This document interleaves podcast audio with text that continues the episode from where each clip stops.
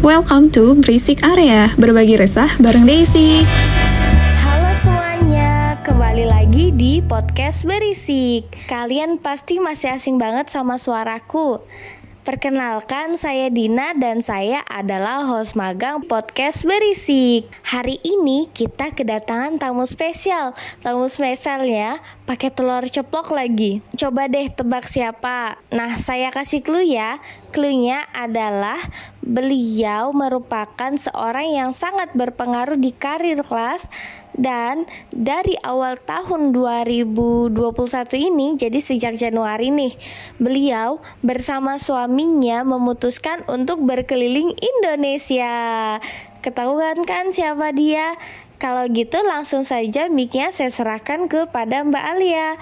Halo Mbak, apa kabar nih? Alhamdulillah baik banget. Ini aku lagi di Palu mm-hmm. buat sebuah pekerjaan. Iya. Alhamdulillah akhirnya bisa ketemu sama Dina lagi. Ah, bener. Karena kita udah pernah ketemu kan beberapa bulan lalu gitu. Terus ini bisa ketemu lagi dalam kondisi yang sehat. Alhamdulillah. Hatinya apa kabar nih? Bisa sama Aryo. Hatinya agak sedih gitu karena kan setelah 10 bulan terus sama suami terus kayak ini harus pisah beberapa minggu gitu Untuk kan. pertama kalinya. Untuk pertama kalinya dalam tahun ini. Sabar ya Mbak ya. Mbak pasti kuat kok. Nah boleh nih Mbak silahkan kenalin dirinya biar teman-teman tahu siapa sih sebenarnya Mbak Alia ini. Halo teman-teman semua, perkenalkan nama aku Alia Nur Anoviar. Aku adalah salah satu orang di balik layar karir kelas dan ya aku bukan siapa-siapa. manusia biasa tentunya gitu ya. Sekarang kesibukan aku, aku sedang keliling Indonesia bersama suami aku, juga menjalani kehidupan sebagai seorang freelancer gitu. Nah tapi nih kita nggak akan bahas karirnya Mbak Alia. Kita akan bahas tentang ekspedisi 8. Jadi Hmm. Mbak Alia sama Mas Aryo nih merencanakan dan sudah sedang dalam perjalanan untuk mengelilingi Indonesia. Dan ini sudah bulan ke Bulan ke-10 dari Januari ya Mbak ya. Ya, dari 8 Januari 2021. Nah gitu. tuh teman-teman, kita juga nggak akan bahas gimana teknisnya. Kalian bisa cari sendiri di Instagram atau di TikToknya Mbak Alia tuh udah sangat-sangat lengkap. Kita akan bahas dari segi perasaannya atau dari segi selama di perjalanan apa aja sih yang terjadi awalnya dan di titik mana pada akhirnya Mbak siap melakukan ekspedisi 8 karena kan eh, seperti teman-teman tahu Mbak Alia tuh wanita karir banget gitu loh Iya, jadi kalau aku boleh merunut ke belakang, dulu itu kan pandemi lagi heboh-hebohnya gitu ya. COVID-19 di sekitar bulan Maret kan baru pertama kali ya orang kena COVID gitu di Indonesia baru ketemu tepatnya. Nah dari situ aku tuh sama suami mulai work from home gitu ya dan hal itu jadi sesuatu yang asing banget buat kami. Kami harus ketemu literally 24 jam terus juga bosen banget pastinya di rumah. Udah nggak nggak ngejalanin kehidupan kayak yang dulu-dulu gitu. Jadi akhirnya dari kebos- kebosanan itu aku sama suami ngobrol banyak terkait dengan road trip. Jadi gimana nih kalau kita melakukan road trip gitu, Eh, pakai mobil sambil keliling. Karena sebenarnya ini juga udah jadi cita-cita kami sih. Cuma terlupakan udah lama banget karena kayaknya nggak mungkin untuk kami bisa road trip gitu dengan pekerjaan kami di dunia yang formal seperti itu. Terus akhirnya dari diskusi itu kami coba hitung-hitung tabungan kira-kira cukup apa enggak. Terus eh, kami memutuskan kira-kira gaya hidup seperti apa yang akan dijalankan ketika di perjalanan nanti. Dan tara akhirnya ya kami memutuskan untuk benar-benar bisa keliling Indonesia gitu. Itu sekitar bulan April Mei. Sekitar bulan April atau bulan Mei gitu. Jadi decisionnya terpacu dari COVID-19 itu gitu. Kita nggak kepingin aku sama suami tuh eh, berdua nggak kepingin nanti ceritanya kami tuh jadi kayak mirip sama yang lain gitu kan. Nunggu di rumah bosen dan lain sebagainya. Kami pengen punya cerita tersendiri gitu sih Oke, nah tadi ya berarti ya awalnya mikir kayaknya nggak mungkin deh ekspedisi eh ekspedisi 8 belum ada namanya, nggak mungkin deh keliling Indonesia sambil kerja kantoran ya. Terus gimana sih perasaannya Mbak yang akhirnya harus berubah rutinitas nih? Dari yang tadinya eh, 9 to 5 ke kantor eh, duduk di depan komputer di ruangan ber AC dan tiba-tiba harus duduk diem di mobil lihat depan dengan kanan kiri bisa jadi hanya pepohonan atau apa pun yang ditemui di jalanan. Gimana perasaannya? Perasaannya seneng banget ya karena kenapa akhirnya aku dan suami bisa merasakan kehidupan yang kami eh, susah untuk bayangkan lah gitu. Karena kan harus mensacrifice banyak hal untuk akhirnya bisa keliling Indonesia gitu. Kalau dibilang cuma pohon dan lain sebagainya enggak enggak banget gitu ya. Kenapa? Karena justru kalau waktu aku sama suami kerja di Jakarta itu kan kami lihatnya mm, mall, kami ngelihatnya gedung-gedung bertingkat tinggi dan lain sebagainya. Tapi kali ini kami dapat kesempatan untuk melihat laut, terus gunung. Kami dapat kesempatan untuk sangat rileks tidur di alam gitu. Justru experience seperti itu yang rasanya mahal sekali gitu. Pengalaman yang saya rasa atau aku rasa, gue rasa udah mulai bingung tuh ya. Eh, lebih menarik gitu ya Mm-mm, yang rasa-rasanya tuh kalau diceritain tuh nggak akan ada habisnya itu sih. jadi lebih besar perasaan eh, excitednya penasarannya dibanding tertekannya ya Ya, berarti udah eh, bener-bener nggak ada nggak perlu adaptasi nggak juga kan ya ada adaptasi dari adaptasi, Oke. pastinya adaptasi. Kayak tiga bulan pertama itu Ah. menderita banget karena ya nggak terbiasa gitu kan. Biasanya ke mana-mana naik mobil yang nyaman dan juga di hotel yang nyaman banget gitu. dan Tapi jalanan yang mulus. Iya, dan ternyata selama keliling Indonesia, khususnya tiga bulan pertama, ada susah sinyal, terus habis gitu ada ya makan itu benar-benar seadanya, nginep itu seadanya banget gitu, bahkan pernah nginep masjid di tiga bulan pertama. wah. Jadi hal-hal itu balik lagi jadi sesuatu yang mahal buat kami berdua nggak bisa semua orang ngerasain itu mungkin di satu sisi itu kayak blessings gitu ya Oke. tapi di satu sisi lain ya nggak bohong kalau kalau nangis kalau eh, ngerasain kesel gitu ngerasain kayak kok sekarang jadi kehilangan semua hal enak yang dulu sempat ada gitu tanggal 25 nggak ada gaji yang masuk ya Pak ya tanggal 25 nggak ada gaji yang masuk. Jadi ngeselinya lebih ke situ sih. Cuma ya overall eh, lama-lama kan belajar, khususnya belajar bersyukur. Selama di perjalanan pembelajarannya itu sangat banyak gitu, kayak terlalu banyak gitu. Jadi nggak bisa dijelasin satu-satu gitu kan. oke Nah di situlah ngerasa ya hidup lebih meaningful juga sih gitu. Wah, menarik sekali untuk teman-teman ataupun saya nih, aku nih yang belum pernah keliling Indonesia. Pasti kita mikirnya kayaknya seru banget ya, tapi ternyata Emang nggak seru? seseru- Oh, emang seru ya? Emang seru, cuma nggak seindah yang ada di Instagram atau Oke. TikTok kami Nggak gitu. seindah bayangan ya. Iya. Yang sedih-sedihnya disimpan aja sendiri ya. Iya, jarang banget sih kami share yang sedih-sedihnya gitu. Tapi satu dua kesempatan ya kami share juga sih hal yang nggak enaknya apa, kenapa? Karena ya hikmahnya kan jadi banyak gitu. Pembelajarannya jadi banyak dan berharapnya orang itu bisa belajar sesuatu dari apa yang kami post gitu sih. Oke, baik.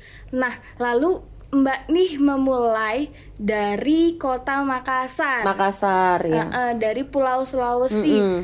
Mbak, terus kan pernah tuh Mbak share kalau tidak ada itinerary dalam perjalanan ini. Iya. Terus gimana Mbak sama Mas Aryo ini menentukan, wah kita harus ke sini nih, wah kita harus eh, melakukan ini nih. Gimana Mbak? Bisa di-share? Jadi acuannya itu lebih kepada rekomendasi teman gitu. Oke. Jadi nggak ada tuh kayak kami bikin itinerary. Awalnya sih kebayang kayaknya bakal bikin schedule gitu kan biar waktunya efisien. Nah ternyata jadi nggak asik perjalanannya gitu. Di awal sempat bikin kayak gitu Oh. karena nggak asik dan ngerasa ya ampun kan gue bukan turis gitu. Kan gue bukan orang yang lagi apa ya melancong karena ngandelin cuti kan kayak gitu. Jadi kenapa nggak lebih bebas aja? Akhirnya ya udah kita lebih bebas ngejalanin hari-hari kita.